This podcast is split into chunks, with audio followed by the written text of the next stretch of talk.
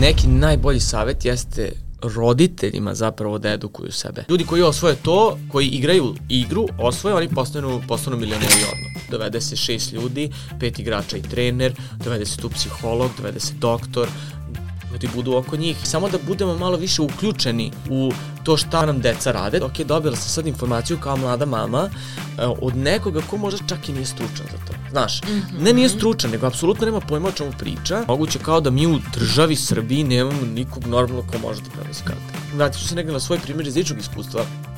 Roditelji nikad nisu rekli da je to što ja igram loše. Bilo je loše što ja trošim puno vremena na to. To je već druga mhm, stvar, mm -hmm. znaš, to je već e, ok kada ti shvatiš da to nešto uzima maha u smislu postao si loši u školi. Dešava se da su ostali bez sponzora. Nemaju uh, finansiranja da pokriju, ne znam, plate igračima, da pokriju da pokriju ono, igrači neće više da igraju i I tu nas onako malo udari kao realnost. Napravilo nevjerovatan uspeh, ali nevjerovatan uspeh uh, pa pandan recimo Novaku Đokoviću. Znači, postoje karijere u gamingu tema gaminga je tema koja mene privatno interesuje i kada se poveže sa decom koja se danas sve više i više uh, angažuju u toj oblasti, delovalo mi kao prirodna stvar da pozovem u podcast nekoga ko može na tu temu nešto važno da nam kaže. Zato sam srećna što će sa mnom danas razgovarati Minja Kefer koji je komentator video igara. Ćao Minja. Ćao. Šta ima novo kod tebe? Novo? Uh, trenutno sam na godišnje. Da? to je jako novo, ove nedelje cile. Uh, sređujem nešto svoju gajbu, to jest svo, svoj kancelarijski deo kuće. Da. Ovaj, tako da sam, uh, ovaj drugar se šali, kaže, klasičan onaj srpski čale. Uzao sam godišnji da bi ovaj, radio da bi nešto radio. kod kuće. Da, I, iako još uvijek nisam postao čale, nego će se desiti tek za tri, tri meseca. To jest tri wow. meseca. Decembar, tako da. To je velika promjena. Uskoro, da, da, da. Zato se sve sređuje. mm, razmišljala sam uh, da usmerimo ovu konverzaciju na gaming i koga drugog, jel, da zovem nego tebe. I, hvala ti. nema na čemu, ovaj, uh, već napred vidim da će da bude odličan, odličan razgovor. Moje pitanje prvo, to onako kao, kako ću otvoriti mhm, uopšte mm -hmm. konverzaciju, razmišljala sam. Kada si se prvi put susreo sa gamingom? Uh. Koja je tvoja prva igrica? Uh, prva igrica, jako da. dobro. Uh, pa, pos, ako posmatramo gaming kao Sad, da, ok, zavisi kako posmatramo gaming kao A, gaming, ali aha. kao ako me pitaš za igranje samih igara, ja bih rekao da je to bio neki, recimo možda drugi razred mhm. -huh. osnovne škole.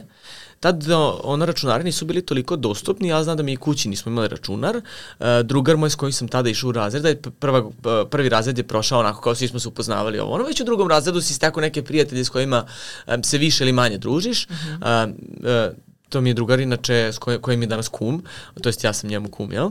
Ovaj, tako da je to baš onako dugo prijateljstvo koje traje već eto, od, od, od prvog, drugog razreda osnovne škole, ali u drugom razredu osnovne škole um, znam da je on dobio računar i da smo onda mi krenuli kao ajde nešto da probamo da igramo. Tad je bilo prvi put da smo se susreli sa bilo kakvom igrom. Uh, šta je konkretno bilo? Pazi, jako, jako davno je bilo. Sigurno je bila neka 2D, ono, plat, platformer, neki 2D mm -hmm. što se skače prelazi, ali ne mogu da se setim sad tačno uh, koja je prva igra bila, možda čak i neka ono Windows igra, ono Solitaire, Minesweeper i to, uh, koju smo tada znali da pokrenemo, nismo znali ništa drugo. Um, ali sigurno znam da je, kada sam onda dobio svoj prvi računar, mm -hmm. uh, među prvim igrama bio je Rainbow Six, to je bila pucačina kao prelaziš, jel? Da. Uh, baš, baš stara, seća se da je bila na CD-u uh, i da je bio Rally, Colin McRae Rally. Stvarno? Da. I da sam tad igrao to, i to, to su mi bile prve igre onako koje sam kao... Kao nije ništa kao Pac-Man ili... Pa to, to sam ali ja. Vidi, ali na, znaš zašto? Zato što Pac-Man je, da, uh, zapravo, ako se vratimo još nazad na, na konzole, onda mm -hmm. da. Znači, ovo sam povezao kao priču sa računarom. Na konzolama, Aha, da. Ja sam nije, kao globalno. Da, nije bio Pac-Man, dobro, to je baš, baš ono pre mene. O, mislim, ne toliko, ajde In sad. the olden da, times. Da, da, da. Ovo, ali bilo je, bilo je recimo Crasha, e, bilo je starog, starog Mortal Kombata. Oh, Tekken. Tekena, da, tako da na Segama bilo je, um, ne znam da li se sećaš toga, ali onako uh, mini igrica što ubaciš onaj žuti uh, žuti cartridge na koji na, na sebi ima recimo 7-8 igara, ovako žuta ka, karta koja se toga. ubaci, da, koja je to, e, to je na primjer, mislim, Na smo- melonu ode tata pa kupi, pa pa, kupi kao tih ide 10 probamo. komada, da, u tih 10 komada imaš koje su okej. Da, dve igre koje su okej, ostale sve su kopije jedne od druge. Tako Bukvalno, da. da. Tako da, da, to je bilo svega i svačega. To je bilo nekako, sećaš tenkića, oni što idu onako pa kao To, pucaju. s toga nisam silazna, znači... Tanks, ne znam kako se bukvalno. tačno zove, ali eto, na primjer, to, to je nešto među, među prvim igrama koje su, kako se zove, koje sam probao, jeste, eto, od konzola, to, to je bila Sega, Mhm. prva, pa je onda bio PlayStation, uh, PlayStation Kids i onda ja mislim bio računar ako, ako sam dobro ovaj, Da, posložio godine. Da, da, ali eto, to je otprilike to, to je prva igra, a sa generalno gamingom, ako baš konkretno govorimo o, o obliku gaminga koji danas poznajemo, recimo da je to bilo um, vezano je za Counter Strike. Uh, jer smo posle tih, eto Rainbow Six Siege je, uh, je bio prvi, sad on se zvao malo drugačije, pogrešit ću ako kažem, ali recimo da je, da je to, to izdavač, Ubisoft je bio izdavač te igre. Uh, posle toga smo onda krenuli da igramo Counter, to je bila Counter 1 petica, to je baš, baš bilo davno, i onda kada je izašla 1 šestica, tad je već krenulo kao da se formira neko društvo, neka kritična masa koja igra zajedno i to već možemo negde da kažemo da je bio, da kažeš ovaj oblik gaminga, znači da igramo zajedno, da igramo 5 na 5 ili da se nađemo u nekoj igronici, da sednemo pa igramo 10 na 10, da se družimo, da je to već bilo onako kao da se, da se uplivava u te vode. Bilo je naravno i onih momenta um, single player igrica, uh, ali ja generalno nisam nisam taj uh, tip gamera. Ja sam uvek, kako smo krenuli da igramo multiplayer igrice, kako je uh, došao internet i mogu si da se povežeš i mm -hmm. uh, sve ostalo i da igraš sa prijateljima, nekako mi je uvek, uvek, uvek to bilo draže, nego da sedim sam i ono, prelazim i gledam storyline i sve ostalo, iako sam ono bio upućen, ok, znao sam koji su to novi naslovi, šta je izašlo, koji žanr igrice postoji i sve ostalo, uvek sam bio uh, više naklonjen tome da ono, imam drugare, ajde da pričamo, uh, da se šalimo, stvarno da igramo ono do jutra, što nekad ne, nije, nije bilo dobro, ovaj, ali je to uvek bio neki, neki moj put, ovaj, imao sam dodirnih tačaka sa tim single player igricama, ali uvek sam, ono, taj multiplayer mi uvek prijao. No, Ja sam gledala kao kada je zapravo počelo to umrežavanje i kada su počeli ti turniri u gamingu, ja sam bila ubeđena da je to bilo, da je to skoro. Sad, to se skoro popularizovalo, ali kao pre, i sad pazi podatak, kao tokom 80. godina su igrali i Space Invaders Jeste. i kao njih Jeste. 100 se skupi i kao tebi. 100 prati i to je kao šta ćemo sad sad 100 miliona ljudi koji prate turnire, da. znači kao šta, koliko je to zapravo skok i koliko je to zapravo promena. Jeste, ne, o, baš onako ozbiljna promena, ali e, je to sve išlo, znaš, za, ne, za neko ko je sa strane, ko nije toliko pratio, kao u, to se sad desilo, to je sad fenomen. Mislim, tu stvarno postoji gradacija toga svega. Mm -hmm. Znaš, to što kažeš, prvo je pratilo 100 ljudi, pa je pratilo... I sad, izlaskom novih igara, popularizacijom samih igara, dolaziš do toga da više ljudi prati. E, sad, naravno, tu se pos- postavlja se x nekih um, stvari ko, koje ćemo se verovatno um, i dotaći, ali generalno da, znači počelo je tako što je Space Invaders, na, na, igralo se na konzolama, e, to su bili neki prvi turniri, Atari 64 kada je izašla u Americi je bio haos. Mm -hmm. Baš je onako bilo ludilo. Um, I posle toga, kad kreneš da ulaziš u ovo moderno vreme, uh, teško je bilo održavati kao gaming turnire, uh, ako nije, kad samo razmišljaš da ne postoji internet. Kako ja da, mislim, da pogledam to, kako da mi se umrežimo, kako da, baš je bilo onako uh, tehnički teško za izvesti. Uh, međutim, onda kada je došao internet, kada je to sve postalo bolje i bolje i bolje, uh, naravno kritična masa se širila jer je sad moglo više ljudi da vidite neke sjajne igrače, moglo je, moglo je više igrača da se uključi u samu igru i onda dolaziš do toga da sada imaš viewership preko, ne znam, milion, ono na jednom tom nekom velikom turniru, uh, to su neke nenormalne brojke uh, koje sad samo jel, rastu um, i igram slučaja zbog toga što odra- odrastamo u, u nekom tom modernom vremenu gde je sad gaming i računar mnogo bliži uh, i mnogo rekao sam ti, ja, mi smo u, u, ja sam u eto, nekom drugom, trećem, uh, osnovne se tek susreo sa računarom. Znaš, da, sad se rodiš tu, tu dobiješ to imaš ovaj... računar, znaš, kao, da. nemaš računar, imaš laptop, možeš mm -hmm. da ga mhm. poneseš sa sobom, možeš, uh, možeš da bukvalno budeš kon konstantno na, na računaru, to je da, da, da se, kao što kažeš, rodiš sa tim, da, da ti ta tehnologija nije uopšte strana. Nama jeste bila i onda imaš te neki period adaptacije, pa i društvo dok se, dok se adaptira na to sve, pa šta može ta, sva, ta mašina da radi, znaš, i to sve.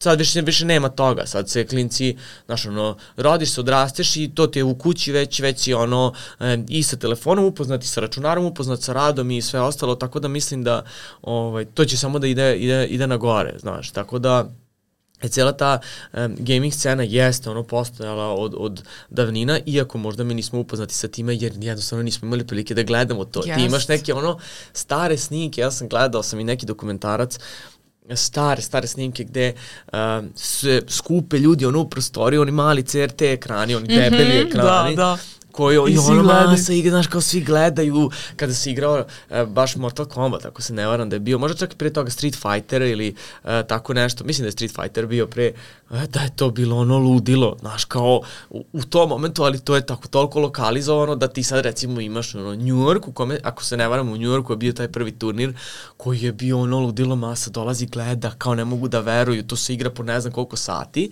ovaj, dok sada apsolutno nije bitno gde se igra, mislim svakako možeš ti da gledaš, ne moraš da, da budeš tamo, znaš.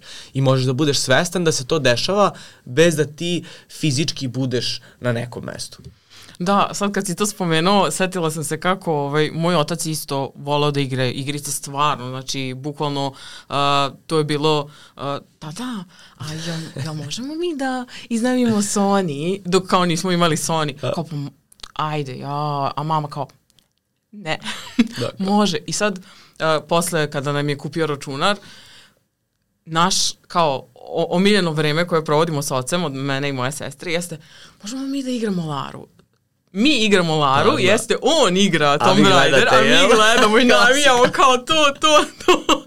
I to je kao cijelo moje odrastanje, mi smo tako religiozno pratili, razumeš, celu priču kako se razvijalo dok nije došlo vreme kao da se razvojimo, razumeš, da tata da. igra svoje, a mi igramo okay. svoje i kao, jesi došao do onog levela, a daj, brate, znači onaj dinosaurus da. ili tako nešto, što je bilo kao baš, baš cool. Jeste. A sada imamo te roditelje koji jesu videli kako izgledaju igrice, jesu ih okusili, ali imaju otpor. I sad sve više, više imamo tih roditelja koji uh, bukvalno imaju otpor prema tome da im deca igraju igrice, da. znači u potpunosti ili ih zabranjuju ili smatraju da je to gubljenje vremena i isključuju ili kada dete uopšte i pokaže neki interes, to je bukvalno halo, dobar dan, moj dete ima problem. Zašto, da. zašto smo došli do otle? Da, pa mislim da je negde da sad ne, znaš, verovatno postoji, uh, postoji više faktora koji zapravo dovedu do toga. Uh, jedan od tih faktora jeste što da li društvo kao društvo onako nekako ne mogu da kažem omekšalo, mislim, ne možeš da omekšaš, ali mislim, i vas gde ste gledali uh, taj Tomb Raider koji prolazi, skače, puca pištoljima i sve ostalo, pa se ništa loše nije desilo, da. znaš.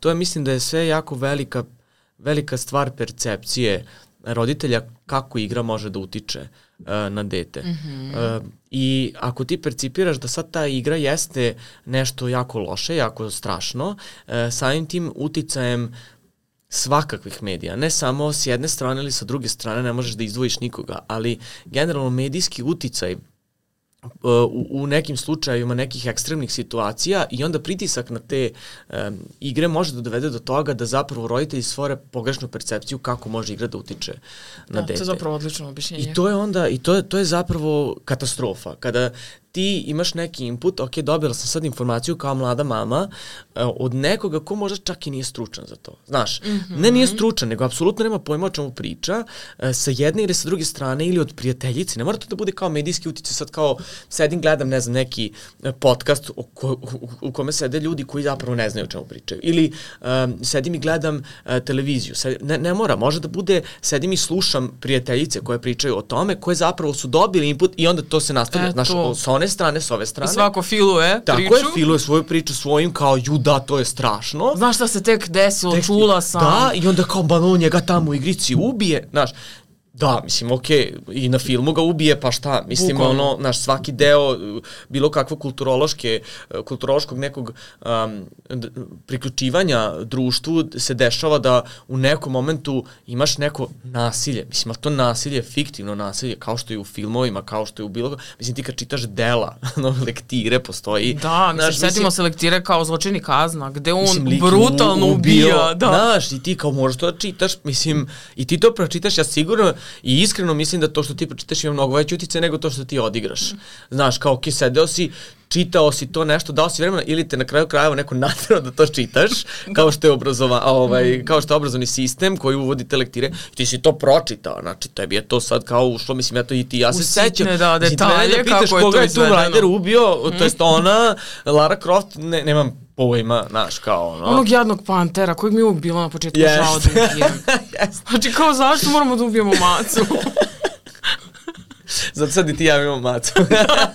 to je to kao da se odužim da, za sve. da, da, da, da. Ali eto, mislim, to je, znaš, to je neki moment gde zapravo ti dobijaš te inpute sa svih strana, ne možeš da razaznaš šta je dobro, šta nije i onda dolaziš do tog nekog neadekvatnog zaključka da je igrica loša. Da. I onda zapravo detetu dođeš i kažeš to je loše. Meni, uh, vratit ću se negde na svoj primjer iz ličnog iskustva, roditelji nikad nisu rekli da je to što ja igram loše. Bilo je loše što ja trošim puno vremena na to. To je već druga stvar. Znaš, to je već o- ok kada ti shvatiš da to nešto uzima maha u smislu postao si loši u školi. Po, znaš, i onda ti zapravo tvoja perspektiva jeste ispravna. Da. Znaš, kao okej, hajde da vidimo šta se tu dešava. Ti si um, bio odličan učenik, desilo se to, ti si postao vrlo dobar ili dobar učenik.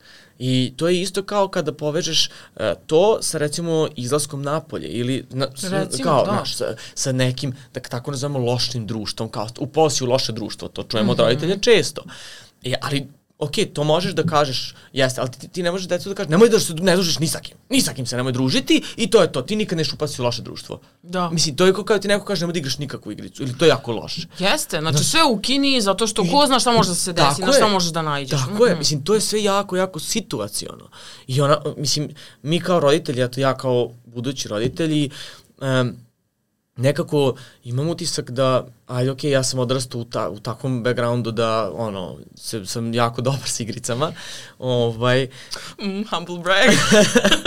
ne, dobar u smislu kao družili smo se jako dugo i ja i igre i, Da, i nije mi da, to problem, ali opet, znaš, ne, ne mogu ni ja da budem uh, sad onako linaran i kažem uh, igrice su sjajne, igrice su super, ako mom detetu ne prijaju igrice. Mm. -hmm. Kao, e, e, molim te, evo sad sedi igraj sa mnom igricu. Kao, dete, neću da igram igricu. Ne, ne, ne, igrica je dobra.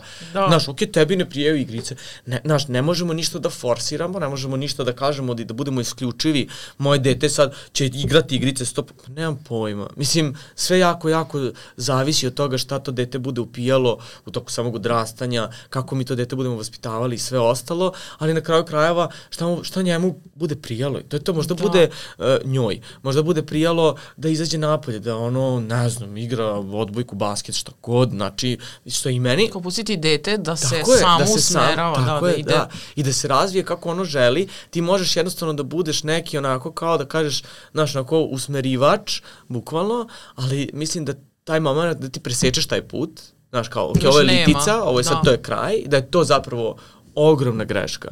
Jer, da se vratim opet na moje roditelje koji su stvarno bili fenomenalni oko toga, nikad nisu, nikad nisu uh, uh, ono, marili za izbor igre. Bili Mhm. su svesni da je to igrica i da oni mene, mene vaspitavaju da ja to gledam kao igricu. Upravo i to, kao- ista situacija kod mene bila. kao to je igrica. Ti znaš šta tebe čeka kad izađeš napolje, kad odeš u školu. Kad, znači, ško, realan svet je realan svet, nije igra. Da, neće i- samo doći i uzeti neko motor i je, nastaviti i nastaviti da dalje. ide ili kao nećeš ti nekog izvući iz auta i kao seo sam u auto, Da. nećeš ići u životu da rešavaš misije, ono, nego ćeš biti ono normalno dete, jel? I negde to je bilo razgraničeno i to je bilo skroz okej. Sad Da. to što sam u nekim momentima stvarno ja prevodio previše vremena i to im uopšte ne zameram, znaš, da, je- da je bilo kao moraš malo da smanjiš, ovaj, to je apsolutno bilo opravdano. Ja to možda u tom momentu nisam video, ali eto, tu je taj moment roditeljstva gde ti kao roditelj shvatiš, ok, moram da usmerim dete da ne provodi toliko vremena To je drugo nego moram da zaustavim dete u ovome i dete sad ima problem. Ali to, e, to se upravo, baš dobro da si spomenuo, to se upravo i dešava, da roditelj vidi da dete provodi previše vremena na internetu, ali to dete, taj roditelj nije sad da vidi šta to tačno dete Tako radi je.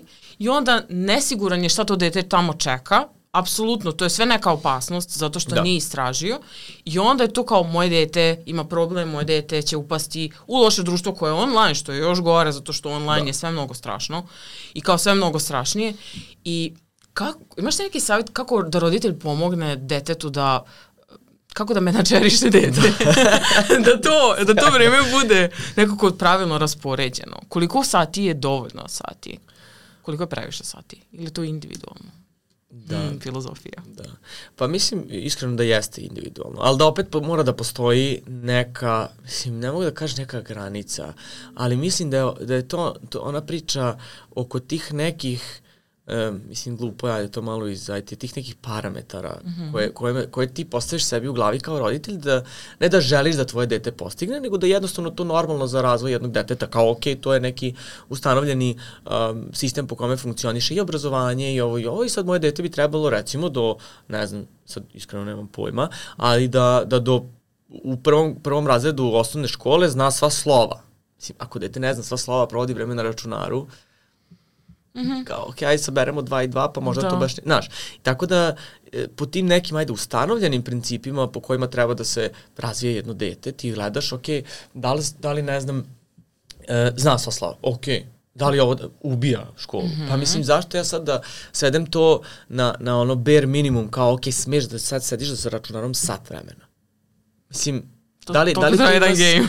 da, da, da, znaš, da li to, to ima smisla? I, I šta će onda dete da radi sa ostatkom svog, svog slobodnog vremena? Mm -hmm. Onda ti moraš da se postaraš, mislim da je mnogo um, veće opterećenje za roditelja da se onda postara uh, da to dete ima ispunjeno to taj ostatak slobodnog vremena. Onda ti moraš da uložiš, mislim ne kažem Bravo. da je ne kažem da je kao ok, pustite decu da kao neki igraju kompjuter, pa vi gledate gledate film kao vas dvoje sad tu dnevnoj sobi gledate film. Ne, nego ti onda moraš da se mnogo više investiraš ako je tom detetu zanimljivo da igra igrice. Mm -hmm. Ti, ako ga limitiraš na recimo nekih sat vremena, dva sata, ti onda recimo imaš još 3-4 sata u toku dana. Ti moraš da se potrudiš da to što ti sad odlučiš da, da ti i to dete radite, ili to dete samo što mu ti zadaš, da bude ne, onako ekvivalentno zanimljivo koliko će biti igranje igara da bi on investirao ili ona investirala toliko sebe u to nešto. Mm -hmm. Znaš, e, jer kad pogledaš realno, ako ti nešto nije zanimljivo, tebi to neće biti zanimljivo. Mislim, jednostavno nećeš uložiti toliko truda, vremena i u to. Mislim, meni istorija nije bila zanimljiva, ja nisam učio istoriju. Mislim, ono, prolazio sam i kao znao sam, ali nisam, a dok mi matematika bila super i radio sam matematiku. Uh, to je, na primjer, neki odnos uh, između predmeta. Takav ti je odnos i u slobodnom vremenu. Kao da. Me, da li ti je zanimljivo um, više da crtaš ili da sediš i, na primjer, da, da prelaziš neku storyline igru. Mislim, ok, ako ja sad želim da praznim storyline igru i ti mi kažeš, e sad je gotovo, sad ideš na crtanje, šta da nacrtam? Znaš, šta ja kao dete, kako sebe da kad mo, moje misli, moj mozak je u fazonu, ne želim ovo da radim, znaš, samo sam uslovljen da to sad trenutno radim i kao moram. I sad, da li ću ja stvarno poslati neki naredni Da Vinci, mislim, neću, znaš. A ovo što me zanima i što me interesuje, da li bi ja mogao da posladim neki um, sledeći profesionalni gamer, možda. Mm -hmm. Znaš, jer kao pronalazim se u tome. Mm -hmm, I onda mhm, samim mm -hmm. tim ti negde ono, uh, možda čak uh, onako sakatiš dete u jednom pogledu gde kažeš braniš. da braniš mu, kao ok, možda stvarno postoji neka perspektiva za to, ali neće biti ni u ovome toliko sjajan. Ako, ako ga već zanima ovo. Znaš, mislim da je to moment gde kažeš, ok, ja ću da pustim to ono što smo, što smo sad spominjali, da sve ide svojim tokom, ja ću samo da usmeravam. Jel ti se to sviđa? Ok, hajde onda da radimo na tome. Mislim, ne da radimo, nego ako ti se e, igraju igre, ok je cepaj te igre, ali naš, mora da postoji neki, možeš da ustaneš da jedeš, možeš da ustaneš da se prošetaš, može, znaš, ono neke normalne da, stvari koje bi radio važno. i da, da sediš da crtaš, mislim, ako se, ljudi koji se, de, deca koja se uh, investiraju u crtanje, deca znaju stvarno da sede i da crtaju po sat, sat i po vremena. Na imam sestričnu koja jako voli da crta, znaš, i brate, ona provede sat i po vremena crtajući, crtajući. I naravno neće sad nju roditelji doći i reći, gotovo je sad Nego kao, e, ajde da. da. jedeš, ajde da e, moraš da ideš na trening, moraš da, Da, ideš da. na ovo. To je sve nekako normalna stvar koja se dešava, ali neće ti reći posle sat vremena, gotovo je crtanje. E, sad ideš da radiš matemat matematiku, da vidimo šta ti tu zna. E, sad ideš da, ne znam, ono, sad ideš na pevanje. Sad ćeš da probaš da, znaš, da radiš ovo, da radiš ono. Izvinjavam se što prekidam, ali bit ću jako brza. Želim da vas pozovem da ukoliko se ova tema gaminga interesuje, ako želite da se približite svom detetu i tom gaming svetu, poručite upravo ovu knjigu iz našeg web shopa. U njoj je objašnjeno detaljno sve o uh, svetu videa igara, o tome uh, kakve karijere dete može da ostvari u gamingu, o tome kako može da se prepozna zavisnost od video igara i sve druge pojedinosti koje mogu da vam pomognu. A sada nastavljamo dalje. To je zapravo baš često.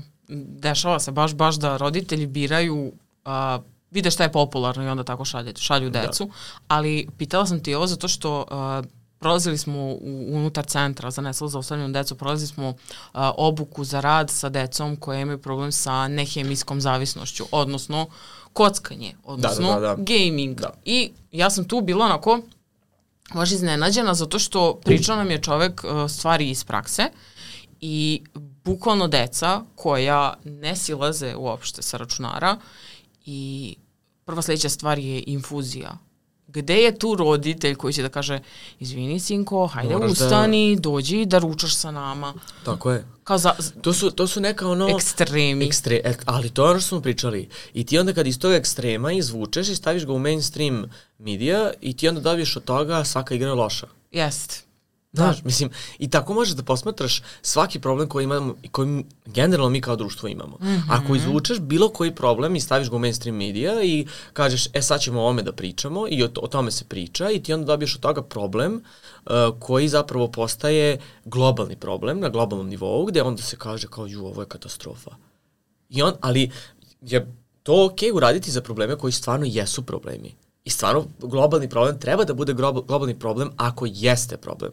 Ali on mora da se, po nekim mojim viđenjima, taj problem mora da se ponovi na više kontinenta, na više, u više različitih, na više različitih mesta, država, kako god, na više različitih kultura da se ponovi taj problem da bi mi mogli da kažemo to stvarno jeste problem mm -hmm. i to jeste globalni problem koji koji se, re, koji se rešava ovako i ovako. I da ti imaš neke određene šablone postavljene koji rešavaju taj problem.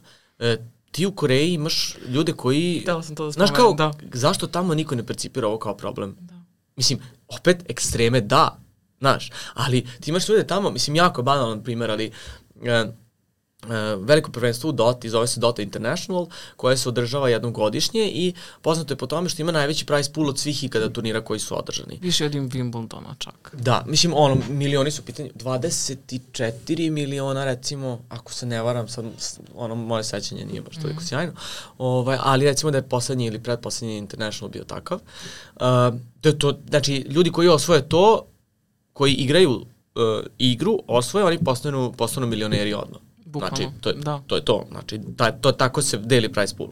Čak i oni koji završe recimo na 16. mestu dobijaju određenu sumu novca, što je, eto, recimo kao tenis. Znači ti uđeš u žreb, prošao si par kola i jednostavno si dobio um, neki keš. Naravno, to nije, ne, nije nekakav pokazatelj kako, kako je sad toliko napredovalo, ali je taj international poznat recimo po tome. I um, pogotovo igra kao, kao što je Dota 2, je ultra popularna u Kini i Koreji. Mm -hmm. I sad u Kini i Koreji stvarno postoje neverovatni igrači. Desilo se da pred International sprema se, uh, ako se ne varam, to je bilo u Koreji, uh, njihov tim uh, i koji, uh, njihov futbalski tim se sprema da ide na neki ono, svetski kup, šta god da je bilo, nebitno, sede u slačionici i dolaze im uh, igrači dote da im kao podignu samopouzdanje. Wow. Jer oni njih gledaju kao neke poznate ličnosti, kao idole.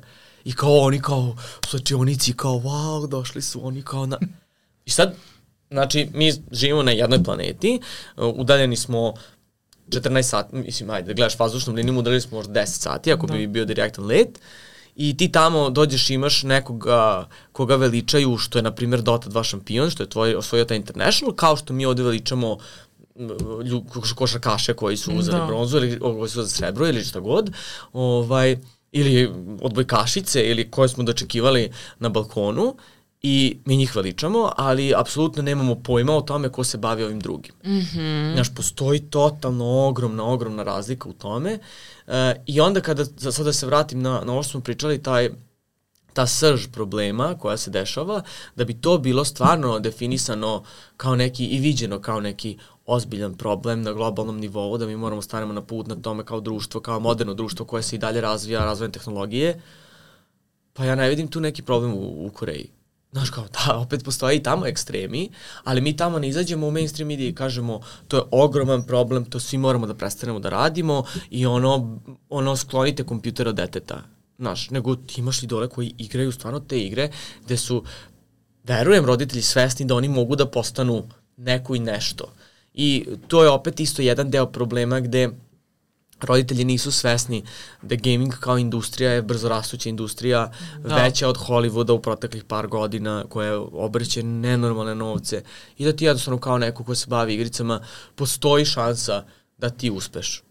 Mislim, ti kad pogledaš, ti imaš ovde kod nas u Srbiji koliko futbolskih klubova i koliko dece zapravo dobije šansu da igra futbal za neke novce, a uloži jako, jako puno vremena mm -hmm, u to. Mhm, Mislim, eto sad, mm -hmm. na primjer, paralela samo oko yes. toga koliko je popularno. Da. Uh, gaming jeste popularan, ali roditelji ne shvataju da, ok, možda je to jednog dana moje dete postane jedan perks, dečko iz Hrvatske da. koji sad igra za Vitality, jedan od najpoznatijih organizacija na svetu, zarađuje ozbiljne pare i eto, poteko iz neke najnormalnije porodice, uh, došao je do tog, do, do, do toga da je postao svetski poznat i da ga neko video i pozvao. Mislim, to se desi i ovde i sa futbolerima. Isto, otprilike, isti no, sistem. Kad, kad, bi, kad bi pogledala kao, da. isti, mislim, možda ne isti procenat, ali kada bi sveli to na, na neku medijanu i kažeš, ok, imamo toliko futbolskih klubova, toliko futbolera, imamo toliko organizacija, toliko igrača i kad svedeš to sve na neki statistički uh, medijum, onda skontaš kao, ok, verovatno bi bio isti procenat ljudi naših koji su viđeni u svetu gaminga, isto koliko je negde naših ljudi u, u bilo kojoj drugoj grani sporta, ako gledamo statistički tako. Tako da u suštini ta neka neinformisanost, uh, uh, percipiranje problema kao nekog ozbiljnog problema, dok negde na nekom, nekim drugim stranama planete to uopšte ne se ne percipira kao, kao problem. To je nešto što, uh, na ne, nešto na čemu moramo da radimo mi, uh, kao neko ko se bavi uh, medijima, Upravo. ko zapravo priča o tome, um, ko, ko pokušava da to dovede uh, do roditelja nekih koji ne razumeju to, da im objasnimo što bolje da to stvarno nije toliki problem, da jednostavno problem se rađa kada nešto ode u ekstrem. Jako je glup primer, ali jeste, mislim, ono, ti kad piješ Coca-Cola svaki dan po 6 litara, ti nećeš imati jetru, isto tako je sa svakim ostalim, uh, da. uh, bilo kojim drugim, uh, bilo kom drugom eksploatacijom bilo čega u životu, jer ti Pa mislim, šta, šta god da radiš, previše opet nije dobro. Znaš. profesorica moja u, na fakultetu je govorila da je umeći života pronalaženje pravog balansa. Mm. U bilo čemu, znači u bilo čemu. Yes. Znači, ne možeš ti ni da, mislim, stvarno verujem da si i ti srela tokom života različite ljude i srećemo različite ljude konstantno. I ti onda kad vidiš neke ljude koji idu u neke, bilo koji ekstrem kad odu. Znaš, uh, treniram ja svaki dan ali nisam ekstrem u tome. Još ljudi koji su ekstremi u tome i onda se taj ekstrem zapravo preraste u problem. Mm -hmm. Znaš, preraste mm -hmm. u mhm. obsesiju, preraste u lečenje nekih drugih svojih nedostataka time što ti recimo konstantno treniraš. Znaš, ti vrećeš neku frustraciju svoju koja bi ti, verovatno bi ti pomoglo možda da izađeš sa prijateljem više Jest. nego da odeš na... Jeste, da, i to je da. zapravo i definicija zavisnosti, da u ekstrem, odnosno u zavisnost beže oni ljudi koji imaju problem. Sad, da li će neko odabrati, da li će to biti alkohol, da li će to biti i neka pozitivna na izgled da, poziv kao teretana. Da, ali ekstrem, znaš, da. opet je ekstrem, nije, znaš, možda tvoje telo više ne može, znaš, yes. možda povredit ćeš se. Mislim, na kraju kraja povredit ćeš se. Ono, uh, tetiva će ti pući, nešto će se desiti i šta se onda dešava? Mislim, eto, otišli smo do tog ekstrema gde šta se onda dešava? Ti si otišao toliko, toliko sad lečiš svoju frustraciju bilo kakvu, psihološku kakvu god, uh, time što recimo, eto uzet ćemo taj trening za primer, nešto ti se desi i ti ne možeš da treniraš narednih tri meseca, šta ti radiš onda? Mm -hmm. Kako se ti osjećaš? Zato što... Kad su te postao tvoj personality. Ka, da, kako ti, ti onda gubiš bukvalno deo sebe i ti se osjećaš kao da, mislim, verovatno se osjećaš, nisam došao u tu situaciju, ali verovatno se osjećaš jako loše. Zato što sad više ne ispunjavaš sebe um, lično, nisi zadovoljan, um, nije ti lepo svaki dan zato što ne možeš da treniraš. A zašto ne možeš da treniraš? Zato što smo otišli u taj ekstrem gde je to da. bilo preterivanje. I to je, eto, na primer, na, na jednom dobrom primeru uh, objašnjeno, mislim pozitivno to što kažeš, objašnjeno kako može negativno da utiče bilo kako uh, ekstremno, ekstremno ponašanje. Tako je i ovde identično. Jako je važno da i sad kao na tom mikro, da nazovem nas kao mikro nivou, da. gde ćemo mi da podižemo svest na tom nivou, ali i na većem nivou kao država, na primjer, i kad se spomenuo Koreju, ja sam videla kako kod njih to uređeno, razumeš, brine se o fizičkom zdravlju gamera, znači da. brine se o tome da. kako on provodi svoje vreme, da li on dovoljno trenira, da li, kako je njegovo mentalno zdravlje, znači, jako se pazi ta osoba i ona se očuvava, kao što se očuva bilo koji sportista, znači, i Novak Đoković isto, razumeš, da li on ide redovno, da li se on dobro hrani, tako da, je, da. da li ima vreme sa prijateljima, koliko trenira, sve to, kada bi se to nekako ali mislim da moramo da mnogo radimo na tome da se uh, prvo gaming prepozna kao sport u uopšte, našoj državi. Tako je, tako je. Da, da uopšte gaming bude prepoznat kao neka dobra stvar. Mm -hmm. Kao što je svaki sport prepoznat kao dobra stvar, tako i ovo. Mislim, um, toliko novih stvari trenutno u društvu se, se dešava uh, iz jedne, druge, treće, pete sfere, šta god da, da, da uzmeš pod ruku i da prekreneš da čitaš, jako puno novih stvari se, se dešava i postaju uh, prihvatljive, priznatije, um, sve postaje nekako okej, a ova stvar ne postaje kod nas makar okej, zato što eto nemamo taj neki uticaj, eto možda čak i nas, uh, premali uticaj možda nas, i onda dolaziš do toga da, kao što si rekla, nekako kao da mi moramo da radimo mnogo više na tome da se to podigne na nivo države, da onda se to prepozna. To je sad u procesu um, kod nas nije definisano kao sport, ali mi imamo um, orga, e-sports organizaciju, um, asocijaciju mm -hmm. našu domaću, da. uh, koja se bavi generalno time, ali treba još tu dosta to da prođe. O, o, on, gaming kao e-sport zapravo, gaming mm -hmm. ne, ali e-sport uh, je priznat uh, Ali da li sad nešto, ne mogu sad tačno da se setim, pričao sam s jednim čovekom koji se bavi, bio je u olimpijskom komitetu, pa mi pričao mm -hmm. oko toga mhm. kako to sad prolazi, to mora baš mnogo uh, stvari da se, da se uradi da bi to prošlo i došlo do toga da to bude zapravo priznato, um, ali se ide ka tome. Mislim, ceo svet ide ka tome, negde je sada već uh, na lokalnom nivou u smislu državno uh, to priznato, globalno ja mislim da nije još taj olimpijski komitet to nije priznao kao sport, ako se ne varam, ovaj, tako da uh, se ide svakako ka tome, ali mi kao društvo treba da radimo um, prvo da popularizujemo to u smislu da, da ljudi shvate da to nije ništa strašno, da je to dobra stvar, a onda da radimo na tome da postoje um, neki ekosistemi koji će podržati te ljude koji se bave time. Znači da, kao što si mhm. rekla, ljudi imaju um, svo, uh, imaju neko definisano vreme kao ako si ti atleta stvarno, si profesionalni uh, igrač, uh, Lola, Kantera, Dote, šta god, mislim Tekena, bilo, bilo koje platforme, uh, ti onda, ok, imaš takav raspored, ti tad i tad igraš, tad i tad spavaš, možda da se naspavaš da bi bio skoncentrisan, da bi, mislim, to je tako već u velikim ligama,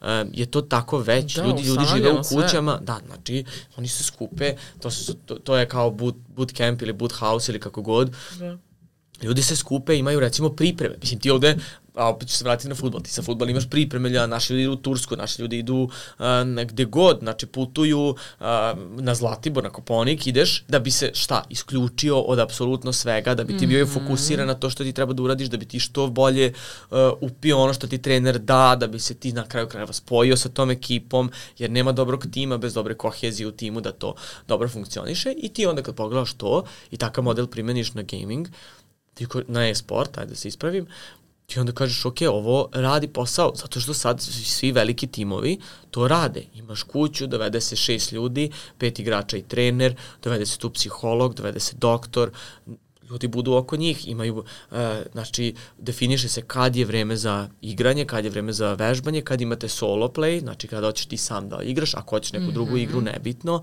e, kad je physical activity, kad moraš da se krećeš, moraš da treniraš, moraš nešto da radiš, da bi, mislim, ono, u, u zdravom telu, zdrav um, mislim, to je taj princip, znači možeš da ostaneš fokusiran, možeš da se potrošiš na kraju krajeva da bi ti mogu da legneš da spavaš u 11-12, da bi ti opet bio odmoran, mislim najkasnije u 11-12, da bi ti bio odmoran, da bi dobio taj neki svoj uh, potreban san koji ti je potreban da ostaneš fokusiran, jer sutra te čeka recimo finale turnira. Mislim i ti sad dođeš tamo umoran, nije mi dobro, niko se ne brine o meni, uh, neispavan si, ono podašnjak imaš, nemaš pojma šta treba da se dešava, ne možeš da razmišljaš. To što ni podaštavaju, kao to je glupost, to je...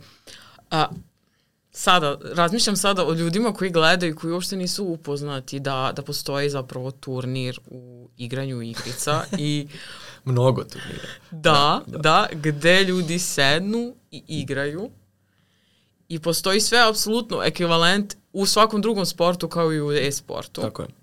Imamo timove, imamo uh, oko čega smo se okupili, da li je to Dota, da li je to LoL, da li je to bilo šta, Tako neka je. igrica na konzoli imamo i komentatore. I sada ti je. si taj lik. Jeste. Uh, Kako si došao uopšte do, do te uloge? Je li to išlo prirodno kao ja sam sad, razumeš, ja gejmam i onda ću posle... Kako si došao uh, do te karijere? Uh, vidi, kad, ja kada sam odrastao uz sve igre uz koje sam odrastao, najviše je to bio Counter, posle je bila uh, Dota, a pa je bio i World of Warcraft. To su bile neke, neka, neka tri naslova koja su mi se koje mi se dan danas prožimaju kroz život, da. ovaj, a, nismo imali pojma da to postoji. Mislim, mm -hmm. turnire da, -hmm. zato što su bili organizovali na lokalnom nivou, dođe igronice i kaže a, turnir 5 na 5 igra se kanter, pozovu se timovi, skupi se, ludilo ovo ono. Bilo je tad čak i um, VCG, tad bio to je World Cyber Games, uh, organizacija koja je pravila kao regionalne turnire, pa ideš na svetski turnir, to je bilo apsolutno ludilo, toga se sećam, bili tu na novom naselju. Ovaj, igralo se, bilo je 32 tima recimo da se prijavilo, pazi tada, znači tada Da ljudi... izveštaju screen fanu, obavezno. Da, nigde način je, znači screen fan je bio, vidi, ako ga nemaš kući šta radiš ti kao, de, de, de dobijaš svoj izbor ono informacije. Da. Tako da, uh, je i tada to postojalo, samo je bilo onako kao uh, vezano za manje više community. Ljudi su znali koji tu ono, igraju to. Jel? Uh, I onda kako smo prolazili kroz vreme, to je postalo sve kao što rekao, dolaskom interneta, um, postalo je sve komercijalizovanije, rekao bih, uh, i samim tim, kad je nešto komercijalno, uh, to je sad taj moment gde, ja tu možemo se dotaći toga, kao uh, ti kao nepristrasan gledalac, dođeš i kažeš, gledam sad ovo. I ti gledaš igru za koju nemaš pojma. To je recimo kao kad ja upalim ragbi da gledam. Ja apsolutno nemam pojma šta se tu dešava. Ja vidim tu neke kocke, vidim nešto, stvarno ne znam. Mislim, evo, pre neki dan sam uzeo, sadali smo u kafiću, ja sam gledao, nemam pojma. Ja vidim tu neke, mislim, stvarno ne znam šta se dešava. Da. E, pokušali su da me objasne, a nisam zapamtio. Dosta su teška pravila. Možda se to dešava i sa igrama. Ali, konceptualno igra uh, je možda malo jednostavnija za razumeti jer je 5 na 5. 5 na 5 bitno je ko će da sruši ono što treba da sruši. Ili ko će da dođe do tog broja rundi ako pričamo mm -hmm. o mhm. kanteru. I sad nekom ka, ko to nikada nije gledao, uh, to je možda malo teže uh, približiti. Neko to gleda sa ono, nema pojma šta se dešava itd. I onda uh, se zapravo uključuju komentatori. Uh, komentatori su došli, ako se ne varam, sa zapada. Ne, zapravo su komentatori još bili u Koreji prvi, da, da, da, to je bilo od prvog um, e-sport, znači StarCraft je bio prvi e-sport naslov koji je organizovao uopšte bilo kakvo e, takmičenje, mm -hmm. desilo se u Koreji. E, imali smo čak kasnije i predstavnika u StarCraftu, jedan jako dobar lik ovaj, koji je predstavljao nas kao Srbiju. E, komentatori su se e, pojavili već tada. E, zašto? Zato što ti je malo monotono da gledaš bez ono, da gledaš zvuk iz igre. Da. To je kao da sad neko ti pusti futbolsku utakmicu i pusti ti publiku koja se dere, navija, ok, da. ali ti za kao gledaš i sad, znaš, ide lopta i ti kao, dobro. Mislim, mnogo je zanimljivije sad zamisli futbolsku utakmicu bez komentatora. Desilo se sad, evo, bukvalno, čist primer, da basket smo gledali, mm -hmm. sad mhm. kad je košarka bila, da li je puko, čuo sam da su tamo bili katastrofani uslovi jer radimo sport klubu, ovaj, i gledali smo naravno sport klubu, kolege sa sport kluba su prenosile i su bili katastrofani uslovi za komentatore, znači da, da nije bilo, in, konekcija sa internetom nije bila dobra, uh, sve je bilo, sve je bilo katastrofa, ali kao uspeli su ljudi da rade naravno i u jednom momentu uta, u, na utakmici nema komentatora. Prekida se komentator, to je, da li se clean feed, to je sad, ono, u režiji clean mm -hmm. feed je da li je puko clean feed sa netom, da li su imali neki problem, ne, ne ulazim u to, ali uglavnom, dešava se nema komentatora. Tup, tup, iskripanje nas, patika. Nas, pazi, nas petorica sedimo i gledamo i kao, uopšte mi, znači, nemam, nemam, znaš, ono, da, damo koš i mi kao, Super. A da je tu komentator koji bi sad bio i razumeš, mi bi ustali ono I sad kao, aha, shvatiš zapravo da je to mnogo, mnogo bitna stavka um, generalno sporta, jer daje, daje tu neku boju uh, uh, i zapravo ti objašnjava koliko zapravo je to bitno. Mm -hmm. Jer ti, ja ne gledam košarku svaki dan, gledam je u tako neko, eto, uh, kada igramo mi, kada, igra, kada je neka bitna utakmica, uh, I onda kad neko dođe i kaže mi, mislim kaže mi, naglasi mi da je to bio jako bitan košar i šta god, uh, ja sam onda takođe mnogo svesniji šta se zapravo desilo. Ili kada mi komentator kaže koliko to bio dobar potez, taj neki recimo Eurostep, dvokorak, šta god da se desi, uh, koliko to dobar potez bio, ti možda ako ne čuješ to, ti će u fazonu, aha pa dobro, kao ovo je super izgledalo, ali zapravo je to bilo neki, neka majstorica, ono, lik je uh, izbacio trojicu i napravio haos. Mislim, da. to je taj neki moment komentatora i onda se vraćam sad na gaming gde ti kada gledaš to, tebi možda stvarno bude monotono i dosadno da ti gledaš. To postoje zato što je situacijono. Nekad će se uh, dešavati uh, haos na samom početku runde, recimo u kanteru, nekad će biti sve smireno, zavisi od tog, toga kakva, kakvu taktiku ima neki tim, neki timovi igraju na završetak runde na 30 sekundi, tako da ti onda minut i pogledaš ovako u ekran gde stoje sa puškama, skrivaju se iza zida, dosadno ti je, mislim dosadno, dosadno ti je sve da gledaš ta, takvog tipa. Da. i onda se zato javljaju tu komentatori koji zapravo zapravo uh, daju tu dinamiku. I kada se ne, ništa ne dešava, um, ide tu neka priča, neke informacije, um, analitika neka. To da, rekao si mi da postoje dve vrste kastera, odnosno komentatora, koje, koji su zapravo, jedan je analitičar, a drugi...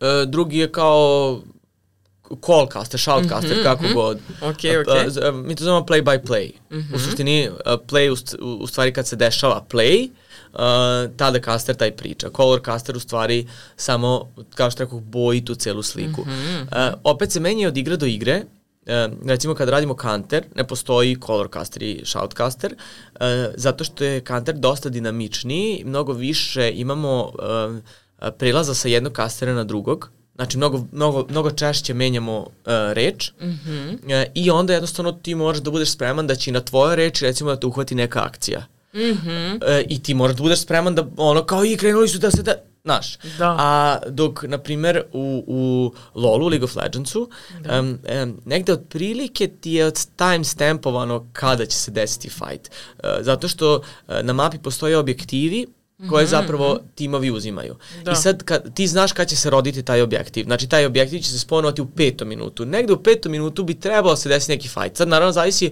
od, to, od toka game možda jedan tim se odluči i kaže nećemo da se tučemo za ovo, slabiji smo trenutno. To je sad već ta ono igra šaha recimo. Mm -hmm Uh, ali to je to. Znači, negde otprilike znaš kada će se desiti fight, tačno vidiš i po mapi, skupljaju se tu, ok, desit će se fight, Color da. Caster kaže i izgleda da ćemo imati, izgleda da ćemo imati borbu za drek, izgleda da ćemo, a, izgleda da će nastati neka tuča, ovaj Shoutcaster prelazi, da i i onda mu daješ reč, samim tim kako mu uh, pre, predaješ to da, da, da praviš da, da. uvod za njega. Tako da za, zato isključivo postoji taj neki moment podele uh, i taj kaster koji priča koji kolor kastuje, u mhm. stvari uh, priča te neke um, recimo e, taktičke delove, dubine, samo razmišljanje igrača, zašto je on sad kupio taj mali item, šta mu taj item daje, za, da li to ima smisla, nema smisla, mm -hmm. um, da li je njihova kompozicija tima dobra, da li, je dobro, da li su dobro odradili to što su smislili da odrade. Um, taj color caster obično mnogo uh, bolje vidi team fight kad se nešto, kad se svašta dešava, mm -hmm. jer uh, Shoutcaster on prati najbitnije momente toga, dok Colorcaster onako gleda iz, otprilike sa strane. Do ti dok, dok ne pričaš, uh, možeš da sediš sa strane, imaš malo širu sliku. Uh, i širu sliku događaja. Da. I onda ti možeš zapravo da uh, ukažeš na nešto što možda shoutcaster nije u tom momentu imao prilike da vidi, jer se ovde nešto dešavalo, a gore ovde je recimo uh, pao njihov AD carry, na, najbitniji recimo igrač im je pao, mm -hmm. nekoga je pronašao tamo, on to nije u tom momentu skontao zato što se ovde dešavala nenormalna zbrka i onda Colorcaster nakon team fighta, ako bude neki replay, kaže, e, vidiš ovde, evo, pogledaj, ovo je moment koji je dobio team fight, ovde se i u suštini tako se um, definiše razlika između uh, play-by-playa i colorcastera. A koji si ti? Uh, zavisi. Stvarno, menjaš? Da, da, da, da. Uh, menjamo se, generalno zavisi kako kome šta leži. Mm -hmm. uh, ja mogu da radim i jedno i drugo. Više volim da radim playa, to jest više volim da radim shoutcasting, ali ovaj, mo, mogu i jedno i drugo.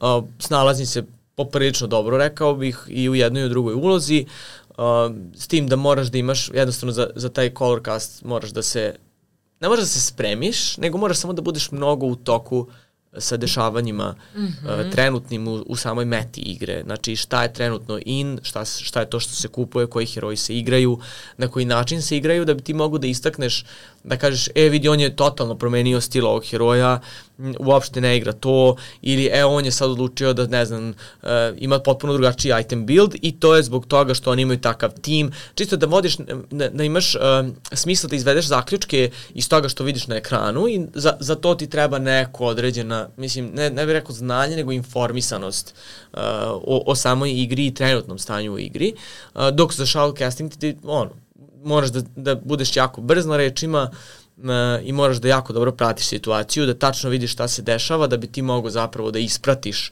uh, celu tu situaciju, jer, jer se to dešava u, u, deliću sekunde se dešavaju da se da. Ne, neko pomeri, neko ode, neko umre, neko se pojavi, neko, znaš, i, i onda jednostavno možeš stvarno da, da baš budeš fokusiran na to. A kako si se ti našao u toj karijeri? E, da, da. Uh, da, sad da se vratimo na to. Uh, igram slučaja, aj krenut ćemo baš iz početka. E, igram slučaja, uh, kada sam se zaposlio u jednoj firmi, zaposlio sam se sa svojim jako dobrim drugarom, znaš ga, jel? Ognjen u pitanju. E, Ćao Ognjene. Ćao Ognjene.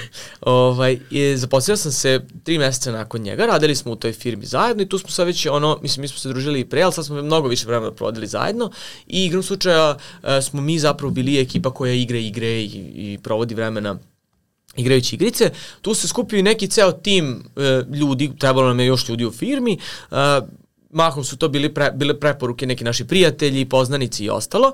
E, svi su u suštini igrali makar neku igru.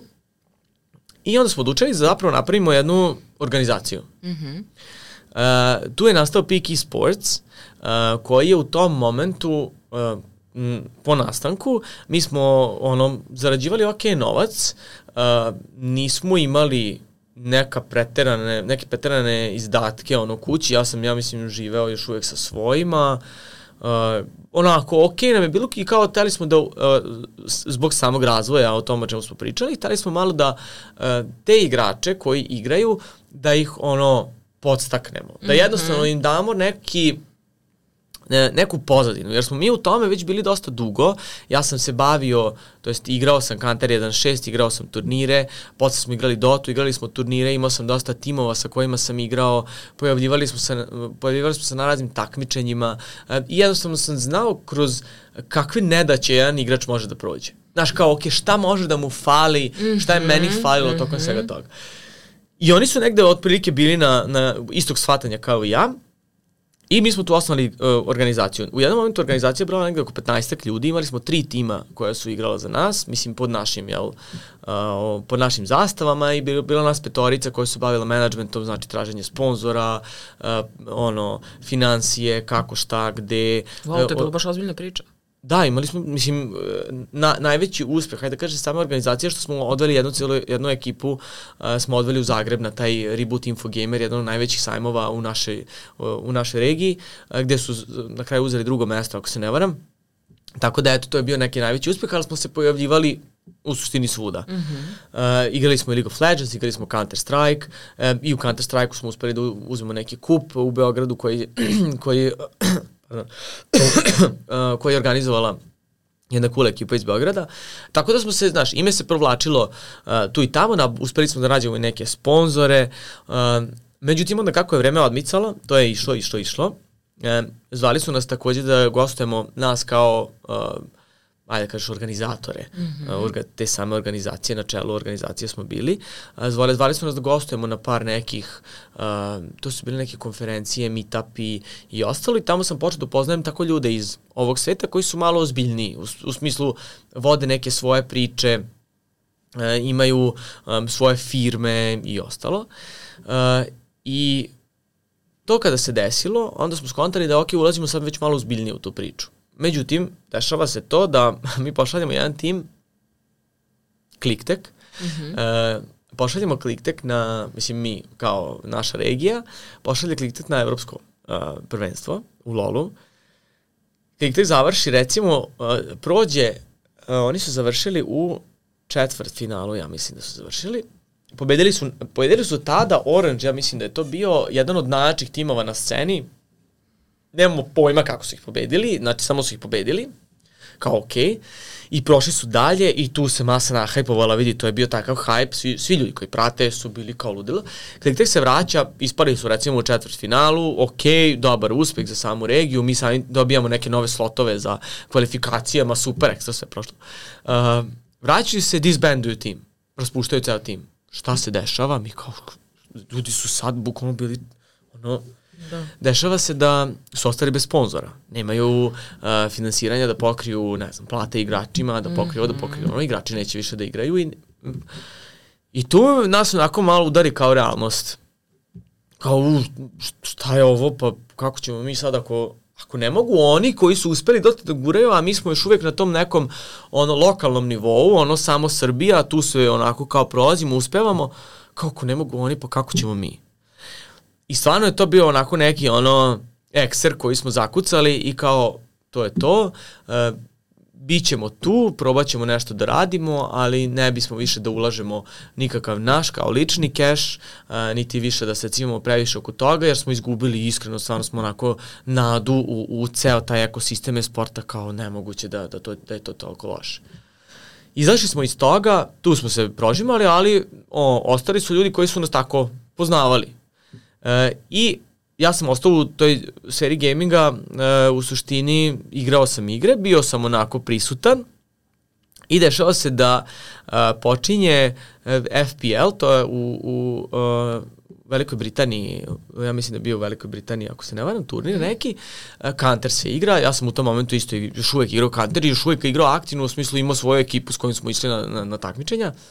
Uh, ja gledam prenos i vidim momka koji zapravo uh, prenosi, komentariše, uh, ali uh, on je, znam da je on komentator za League of Legends. Mm -hmm. I sad mhm. to je kao da ti dođe uh, komentator koji komentariše tenis, komentariše recimo futbal. Rugby. Ili rugby. Znači, ono, zna on posao, znači da. zna da. ono, a ne možda ne baš tenisu, tenisu su onako dosta ovaj nisu toliko ono engageovani, nisu, nisu mm -hmm. toliko u samoj igri, više su tu za, za analitiku i malo čisto da ti oboje taj da. meč, ali recimo nek bude ono uh, fudbal i košarka. I sad čovjek koji pređe za fudbal na košarku zna on Znači, naravno suštinu, da je suštinu zna, treba se da koš, zna šta je trojka, zna šta je ovo, zna šta je odbrana, ali možda on nema te sve informacije s kojima, pos, kojima posjeduje, kojima brata um, čovjek koji baš prenosi košarku.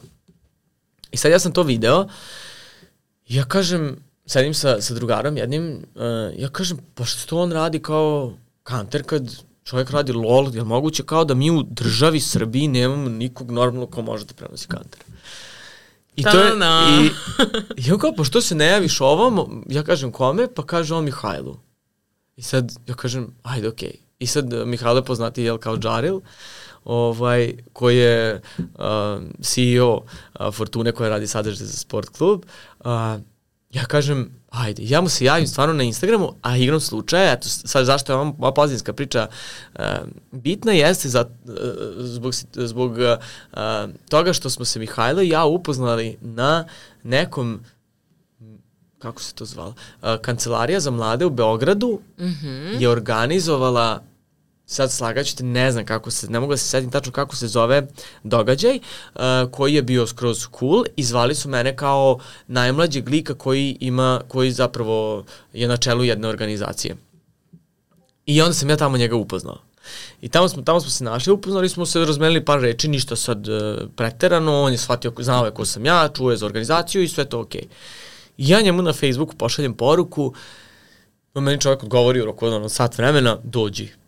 Znači, bukvalno je bilo, e, jel vam treba možda to i to, uh, da, treba nam, kad si slobodan da dođeš.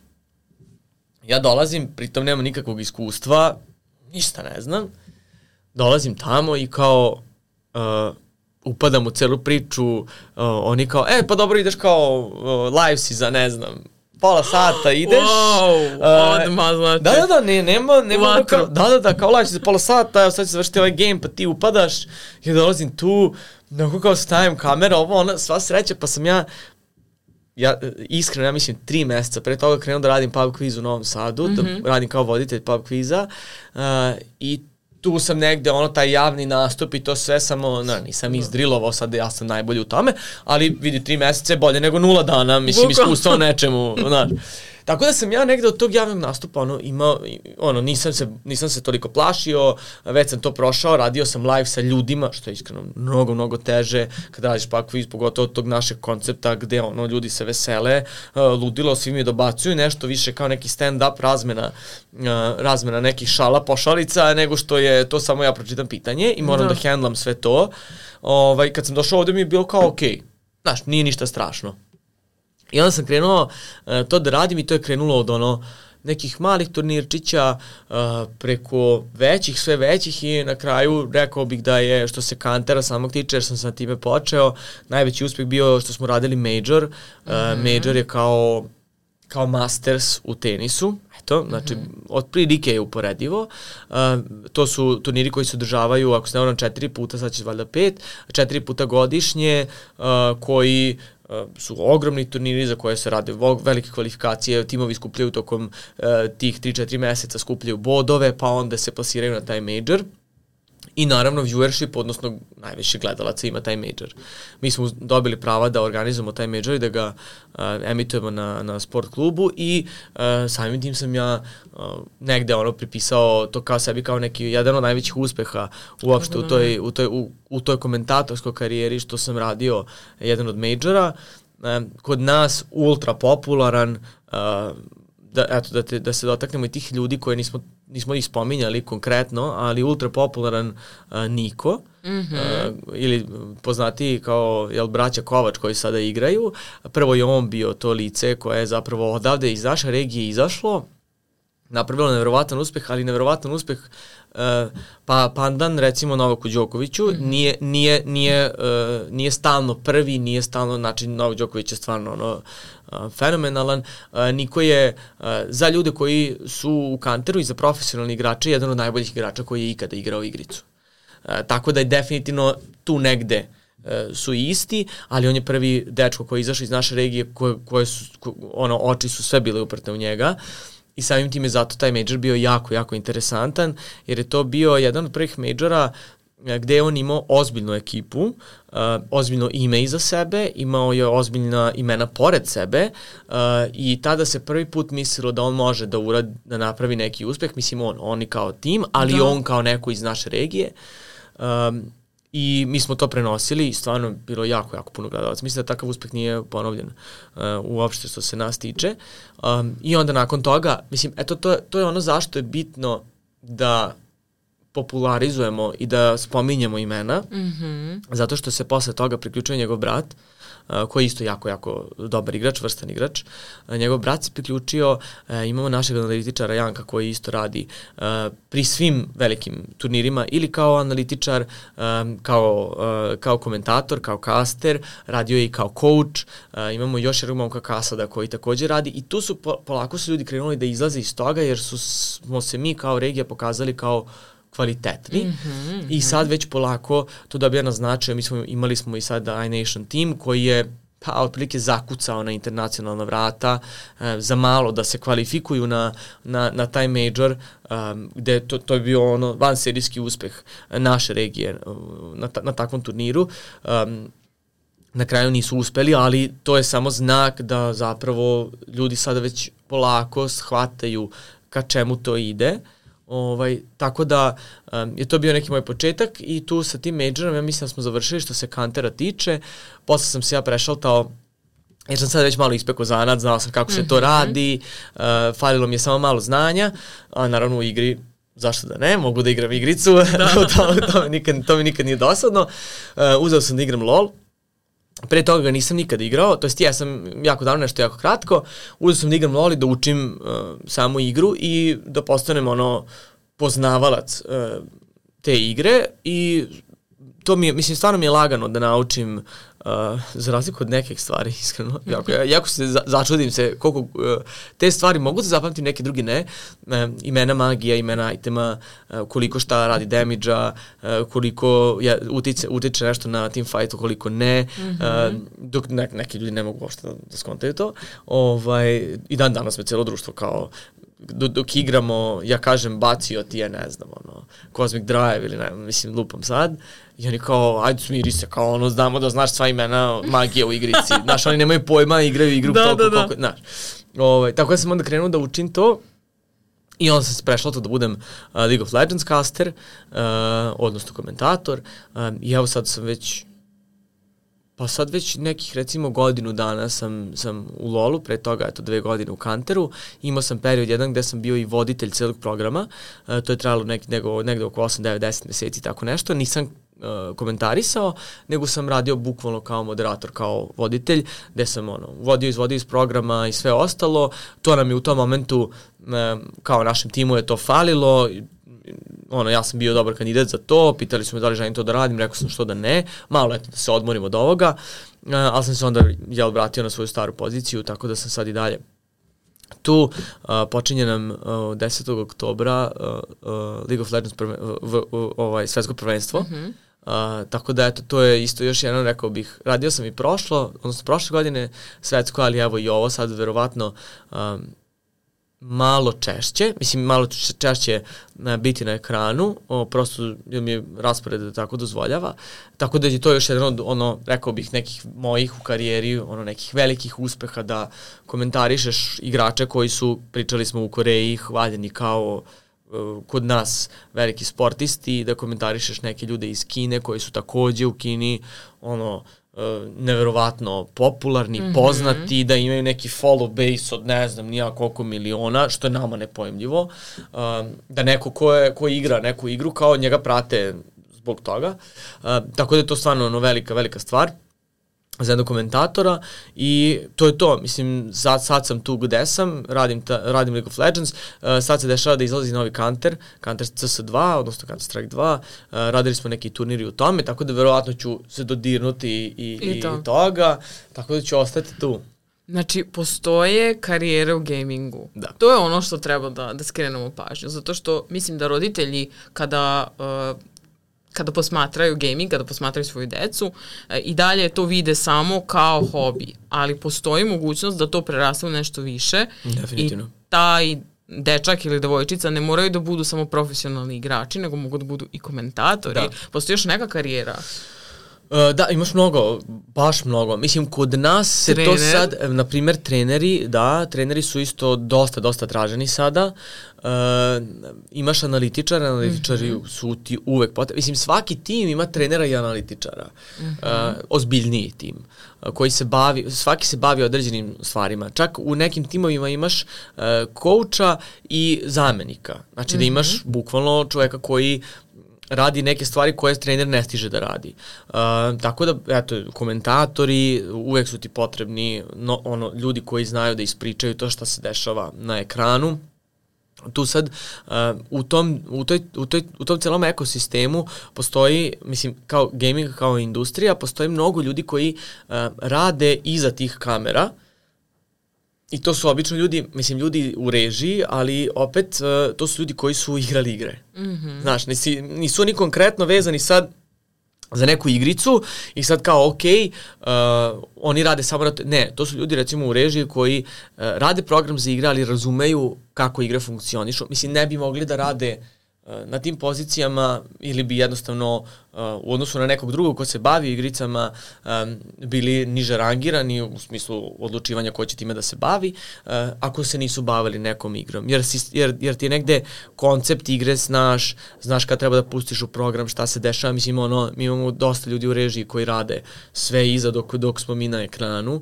Tako da i to isto jedan bitan segment da ti ako igraš te igre, ne moraš konkretno, mislim, naravno ne postoji fakultet za video igre, ali postoji fakultet za montažu, postoji fakultet za produkciju i tako x A ti se posle usmeravaj.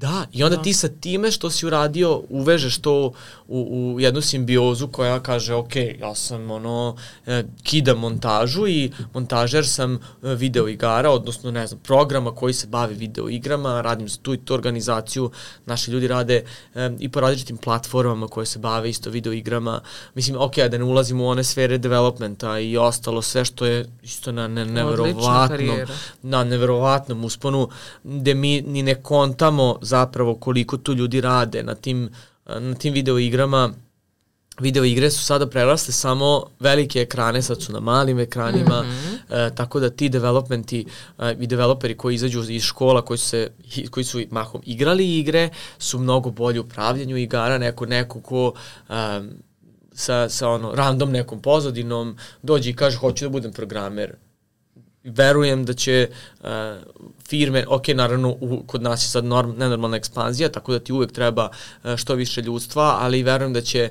makar to moje viđenje, da se ne, neko ko je uh, ušao u suštinu igre, odigrao neku igru kako treba, zna kako ona funkcioniše, zna koje su ti, taj, taj pain points svakog igrača koji igra, da će mnogo bolje da se snađe u kreiranju same igre, verovatno pisanju koda, dizajniranju um, same igre, nego neko ko sad prvi put uzima to da radi i onda mora posle recimo tog fakulteta, škole, da ulazi u tu celu priču. Da. Uh, da ulazi u tu celu tematiku. Ti znaš materiju, znaš kako se to radi, ali sad ti moraš da uđeš duboko, duboko u srž toga da bi ti shvatio šta jedan igrač uh, kada sedne ili kada uhvati mobilni telefon, kada sedne za računar, šta njega muči? Šta je sad njemu tu problem? Da ti znaš da rešiš taj problem ili da napraviš igru koja zapravo neće biti taj problem.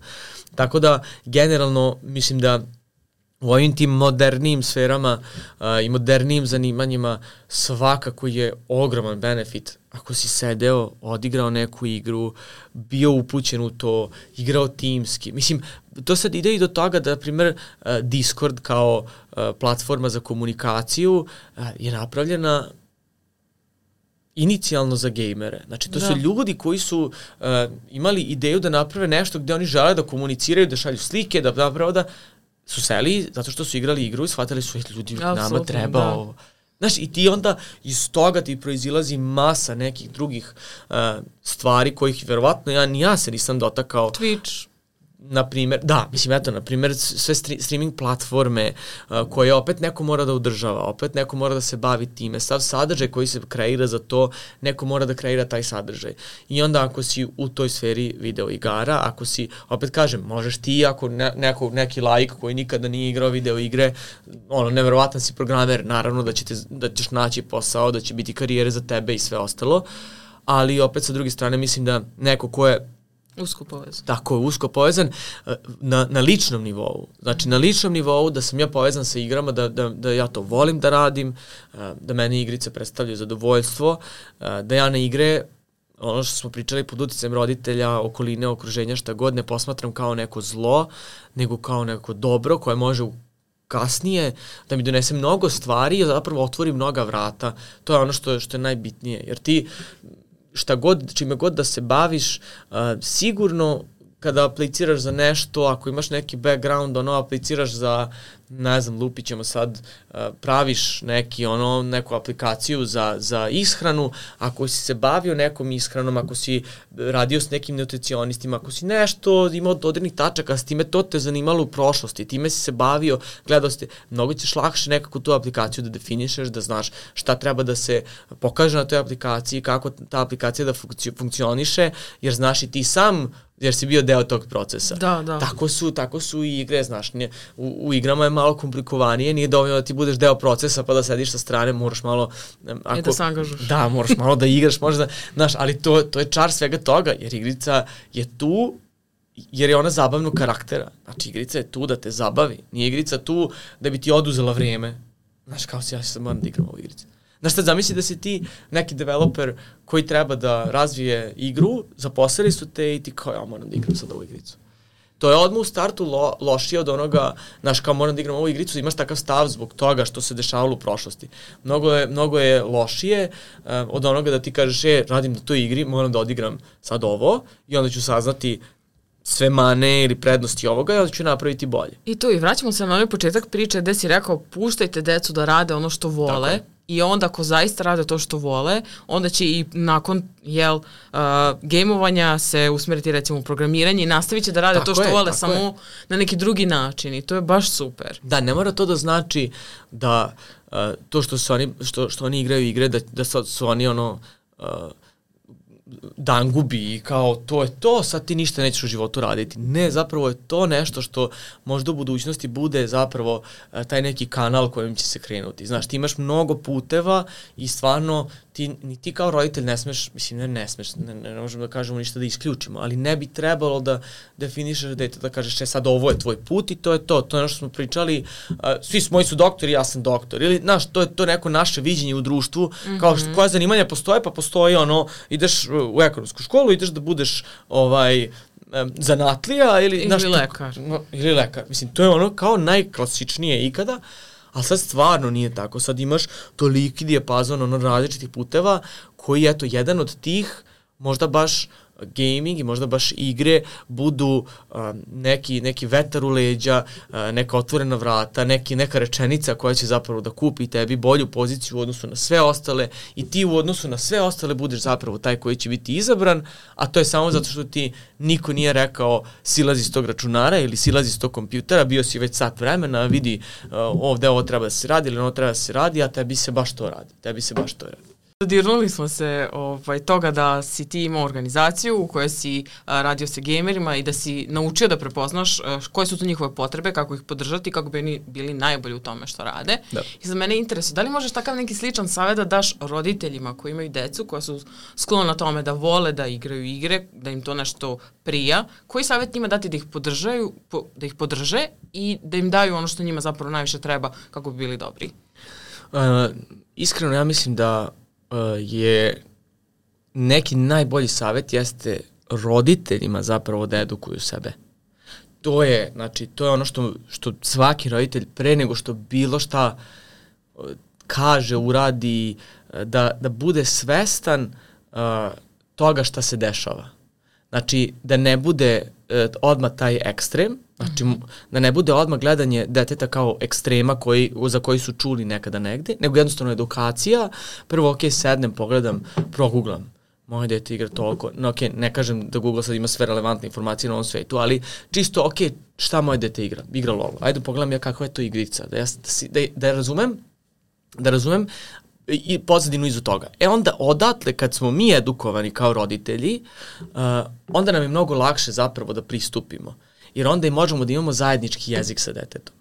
On kad kaže ja o, igram još jedan game, evo znači jako, jako glup primjer, igram još jedan game, ti kažeš dobro, prođe 20 minuta i ti dođeš i kažeš ba ajde šta više, kakav game, ka... ali ti ako si edukovan, ti znaš da game ne može da stane, mislim može da se završi u 20 ili 40 minuta, to je, to je jednostavno tako, mislim game se završi kada jedna strana pobedi. I ti ne možeš posle 20 minuta dođeš i te kažeš, pa kako nisi završio, kako... Ako smo mi edukovani, uh, da te, tebi dete kad kaže, odigraću još jedan game, ti kažeš, ok, dođeš, pogledaš, aha, nije se, završi, nije se završio game, jer ti znaš kako izgleda kad se završi game. Znači, samo da budemo malo više uključeni u, u to šta, šta nam deca rade, to jest budu roditelji uključeni, ja ću eto isto uh, za ko, koju godinu u stvari, ali za par meseci, um, samo u, da budemo uključeni u to šta deca rade uh, i da jednostavno prepoznamo kada uh, je taj moment uh, ekstrem, a kada nije. Mm -hmm. Verujem da je to teško i verujem da u očima roditelja, uh, kao i mojih roditelja, u nekim momentima to jeste izgledalo kao ekstrem, ali mislim da su bili dovoljno svesni da se suzdrže toga, jer su Uh, isto tako razumeli da oni ne razumeju to. Da će se većina roditelja um, složiti jednostavno da uh, u nekim situacijama su možda napravili neku grešku za koju su sad svesni da su je napravili.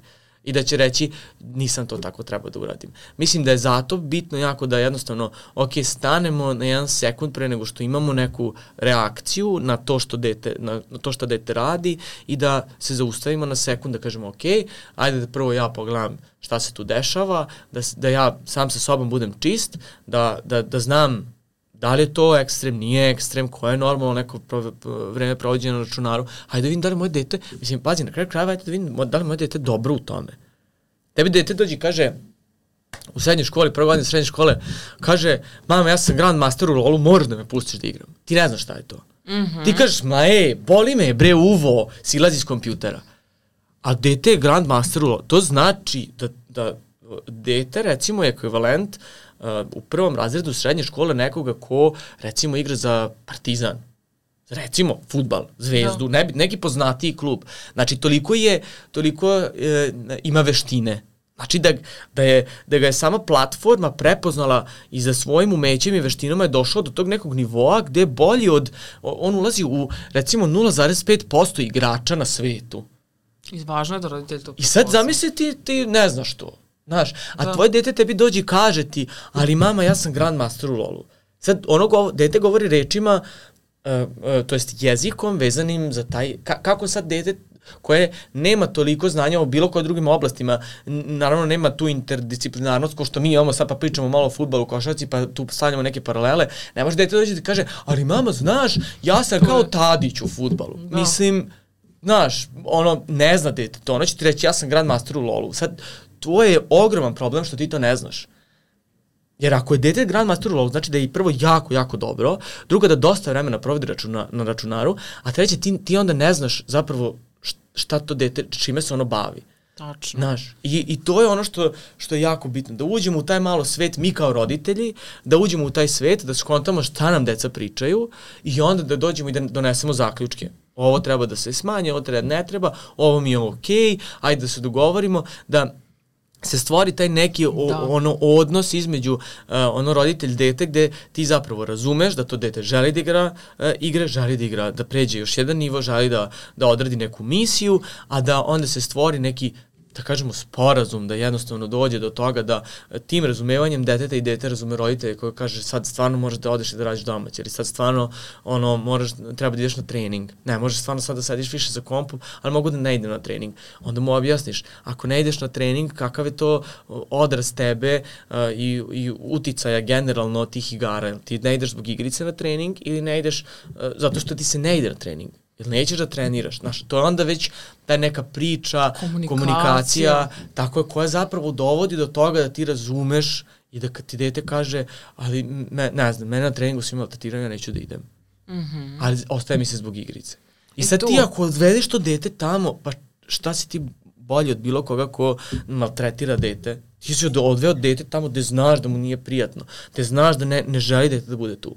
Tako da, mislim da je, eto, kao što si ti istakla, najbitnija stvar je jednostavno ta komunikacija i ono, informisanost roditelja oko toga šta stvarno ta deca rade, šta stvarno gledaju, šta stvarno igraju i da se ta terminologija, koliko god ona bila kompleksna, uh, a nije iskreno, znači suštinski nije, svaki, svaki princip uh, funkcionisanje igre, makar te koja je multiplayer igre, je postavljen poprilično isto, postoje rankovi, postoji opet, znači postoji neki sistem gradacije uh, tvoje veštine, poprilično sve, sve uh, onako dosta jednostavno i mislim da kada skontamo zapravo to sve, mi kao roditelji ćemo biti bliži deci, a to znači da ćemo moći da razumemo to i moći ćemo da kažemo da ili ne tome. Da, i deca će upravo imati uh, poverenje u roditelja Tako i moći će da pričaju sa njim, da mu se otvore, čak da, i ako su da. nezadovoljni vezano svojim uspehom, svojim uh, renkovanjem gde da, god, da, a roditelj da. će imati poverenje u dete da dete zna šta radi, Tako ako je. postoji ta komunikacija. Tako je. Dakle, šanse da, da dete upozna nekog grumera na svom gamerskom akauntu su jako male.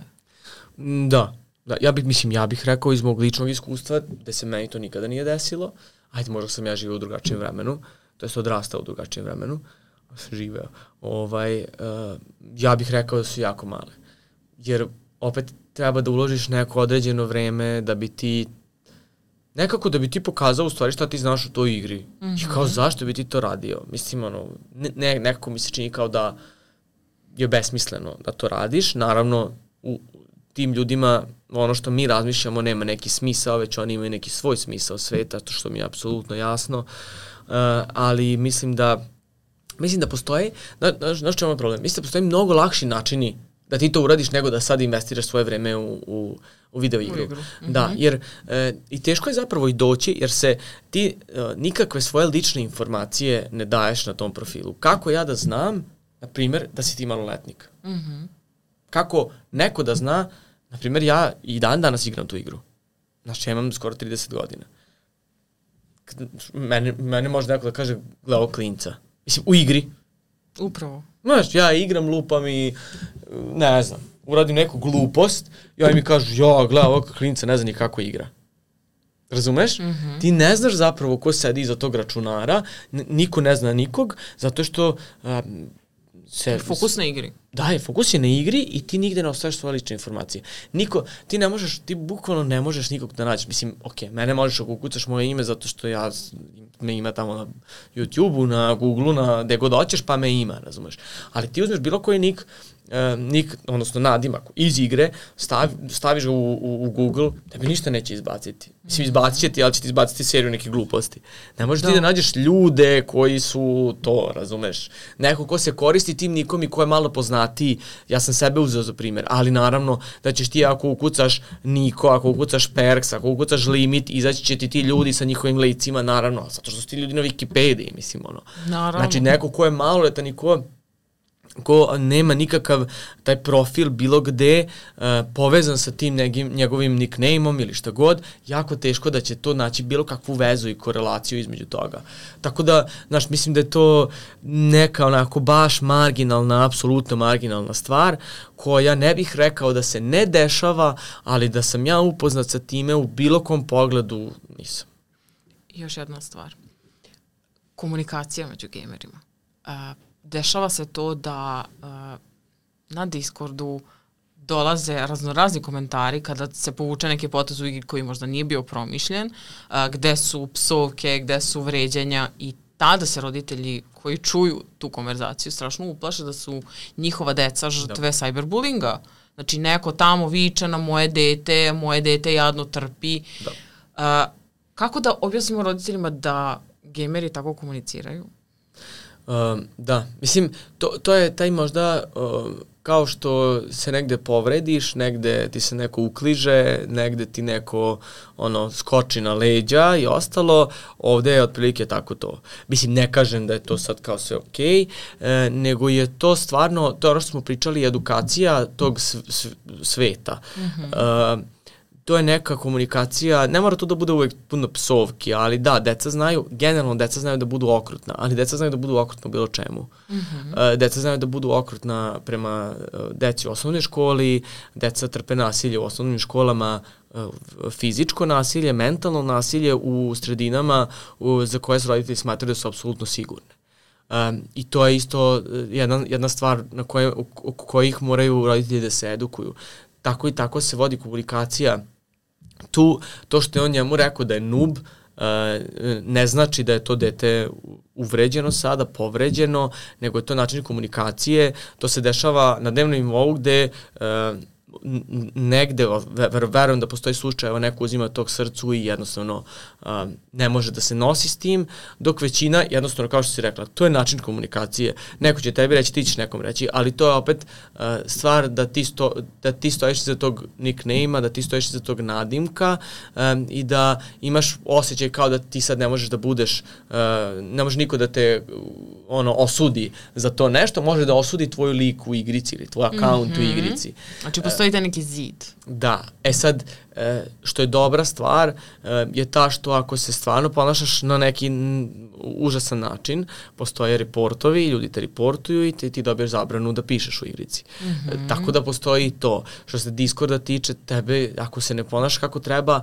e, jako puno servera na Discordu imaju guidelines. Znači, ne smeš da pričaš, ne znam, o tome, ne smeš da e, pričaš o rasizmu, o nacionalizmu, o, e, ne znam, o nasilju, o ovome, ovome. Znači, neke stvari su zabranjene na tom serveru. Mislim, možda ne, ne smeš da pričaš o, o, ne znam, o Kanteru, ne smeš da pričaš o Valorantu, sad lupam. I to da. su gajde, ako ih prekršiš, izbacujete sa servera. I to su neke stvari ono koje, kao, ok, ako ne pratiš, nećeš biti u, u, u, uključen u taj community i bit ćeš kikovan. Tako da postoje i na internetu neki uređeni e, šabloni po kojima moraju a, ti akteri da se ponašaju. Znaš, nije sve kao sada ono, raspuštena Odvoljeć. banda i sad ti radiš šta hoćeš, hoće da radiš šta hoće. Da. Naravno, ima momenta gde se to dešava, ali se to dosta brzo sankcioniše, makar u današnje vreme. Pre nije bilo toliko, nije bilo toliko sistema koji prepoznaju uh, da li si ti stvarno nekog uvredio, da li si nekom rekao nešto vrlo loše, uh, da li si uticao na nekog na ovaj ili onaj način ili postoji šansa da možeš svojim rečima da utičeš na nekoga, uh, pre nije, nisu postali baš toliko dobri sistemi. Sada, eto, dotaći će se i veštačke inteligencije i svega, jako je lako prepoznati u transkriptu um, kada neko stvarno misli nešto loše i taj taj čovek ili tom detetu će biti zabranjeno da komunicira. Kako će to da podnese? Verovatno loše, zato što je to neko ko voli da, da možda maltretira drugi ljudi, možda je to neko ko maltretira e, decu u osnovnim školama. Da. Znaš, on je kao i cyberbully, ali to obično bude i ono live, real life bully. Uh, što nas opet dovodi do toga da ti i u cyber svetu i ovde postoje neka pravila koja ta deca krše i za to sve postoje sankcije. Uh, I opet kažem, znači naše kao roditelje samo da ih usmerimo i da da oni shvate da to nije pravi šablon i pravi e, metod nošenja sa gubitkom, recimo, ne možeš ljudima da kažeš, ma ti si ovakav, ti si onakav, nego jednostavno se sa gubitkom nosiš tako što uđeš i budeš bolji. Probaš bolje da igraš. Probaš da se, mislim, ti posle futbolske utakmice nećeš otići i šutnuti uh, protivnik. Nećeš otići i ispsovati protivnika. Nego ćeš se okrenuti, otićeš da treniraš. Tako je i ovde isti stav. Mislim, možda ćeš se okrenuti i reći svojim saigračima, ma daj, ubili su nas, ovi nisu imali pojma, ma ko... ali to je opet, kada igraš sa svojim prijateljima vi ćete komentarisati između, to je opet ok, neki, ne, neki vid komunikacije koji se dešava vaš, ono interno, gde vi govorite vaše iskustva, mislite da je neko bio bolji ili loši ili da nije zaslužio da pobedi ili šta god, ali nećeš konkretno reći nekome da bi mu učinio nešto nažal, no, nego jednostavno e, ćete iskomentarisati. Tako, ovom ćeš baciti pet, fair play, zdravo doviđenja. Tako da ovo, uh, E, u ovoj situaciji je malo lakše biti taj nefair lik, zato što postoji taj zid o kome smo pričali gde otprilike sad izračunavam, niko ne zna ko si ti, ali sad postoji takođe još, jedna, još jedan filter koji kaže ako budeš taj lik, e, nećeš moći ništa više da pišeš. Na kraju krajeva nećeš moći, dešavalo se da ti banuju ceo akaunt ti si dobio jednu opomenu, drugu opomenu, treću opomenu, dobio si ban i dalje si nastavio tako da se ponašaš, ti više nećeš igrati na tom akauntu igricu. A to je, to je onaj moment, ono što smo, što smo pričali, da se ti jednostavno kao osoba trudiš, gradiš taj account, to je kao da ulažeš u sebe, ulažeš u nešto što, što ti je dosta bitno i ako iole te neko makar malo usmeri, priča sa tobom, bilo koji roditelj, roditelj zajedno, šta god, ne mora biti roditelj, ujak, stric, strina, nebitno, i ti zapravo shvatiš da to nije vredno toga. Nije vredno da ja sad dobijem ban na tom akauntu samo zato što sam ja nešto napisao. Nije vredno da ja dobijem crveni karton samo zašto sam se ja naljutio i uklizao e, nekom dečku koji je bolji od mene. To je, znači, to je apsolutno to. I bit ću isključen iz utakmice. Ok, igraću sledeću. Ti ćeš ovde dobiti ban, ti nećeš više nikad igrati da. na tom akauntu. Moćeš da otvoriš novi i, I da, onda sve od Iz početka. Tako je. Tako je ovde. Ti ćeš dobiti na crveni karton i istaraćeš ti iz ovog kluba, presadit ćeš se u drugi grad, grad i krenut ćeš tamo da igraš. Ali ako si nisi shvatio, nisi naučio iz iskustva, ti ćeš i tamo uklizati nekome i opet će te izbaciti iz kluba.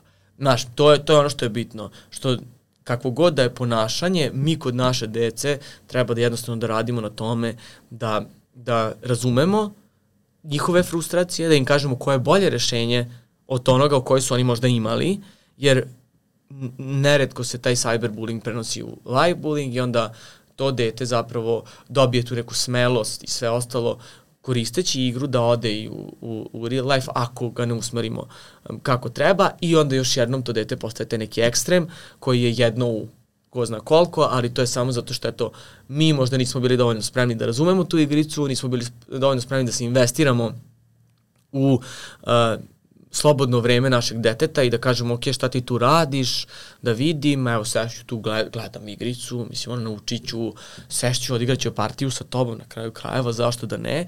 Uh, tako da uh, mislim da je, da, je, da je to dosta bitno, opet smo se vratili na taj, taj ekstrem, uh, da se i tu dešavaju takve stvari, uh, ali uh, taj catfish moment uh, lit, uh, predstavljanja ono da smo neko drugi, da, da šta god, da tražimo žrtve za, za to, mislim da, da, da je to vrlo, vrlo uh, onako jedan mali procenat uh, i da, da se to jednostavno ne dešava u ovom svetu, da neki drugi problemi, taj cyberbullying i to sve postoje, ali naravno usmeriti decu i reći im šta je ispravno ponašanje, znati kada da prepoznaju da to nije ispravno ponašanje i da apsolutno ih ne dotiče to, to je isto takođe jedna bitna stvar i mislim da smo onda na pravom putu.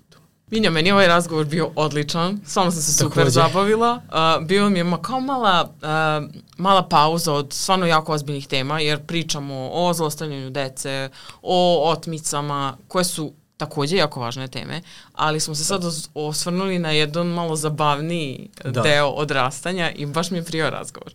E pa, hvala ti na pozivu, meni isto mnogo prijelo da pričam o ovim temama, pogotovo kao neko ko je prošao kroz uh, taj ceo period odrastanja koji imao iskustvo s tim i na kraju ja to završio, rekao bih, u uspešne karijeri, uh, negde da se dotičem uh, gaminga, tako da ja se stvarno nadam da će nekome, nekome značiti ovo što smo mi danas pričali i da će nas poslušati i da će mnogo više dece uh, biti zapravo tih mastera, grandmastera i da će mnogo više uh, ljudi videti koji su uspešni u svetu e-sporta kao što su to neki danas. Ovo je bilo još jedna epizoda Bezbedne priče, nadam se da ste uživali. Dok čekate sledeću epizodu, ja vas pozivam da lajkujete ovaj video, da ostavite neki komentar i da nas zapratite na našem Instagram profilu Bezbedna priča, gde su isečci iz svih prethodnih podcasta, pa možete to da koristite da premestite do sledeće epizode.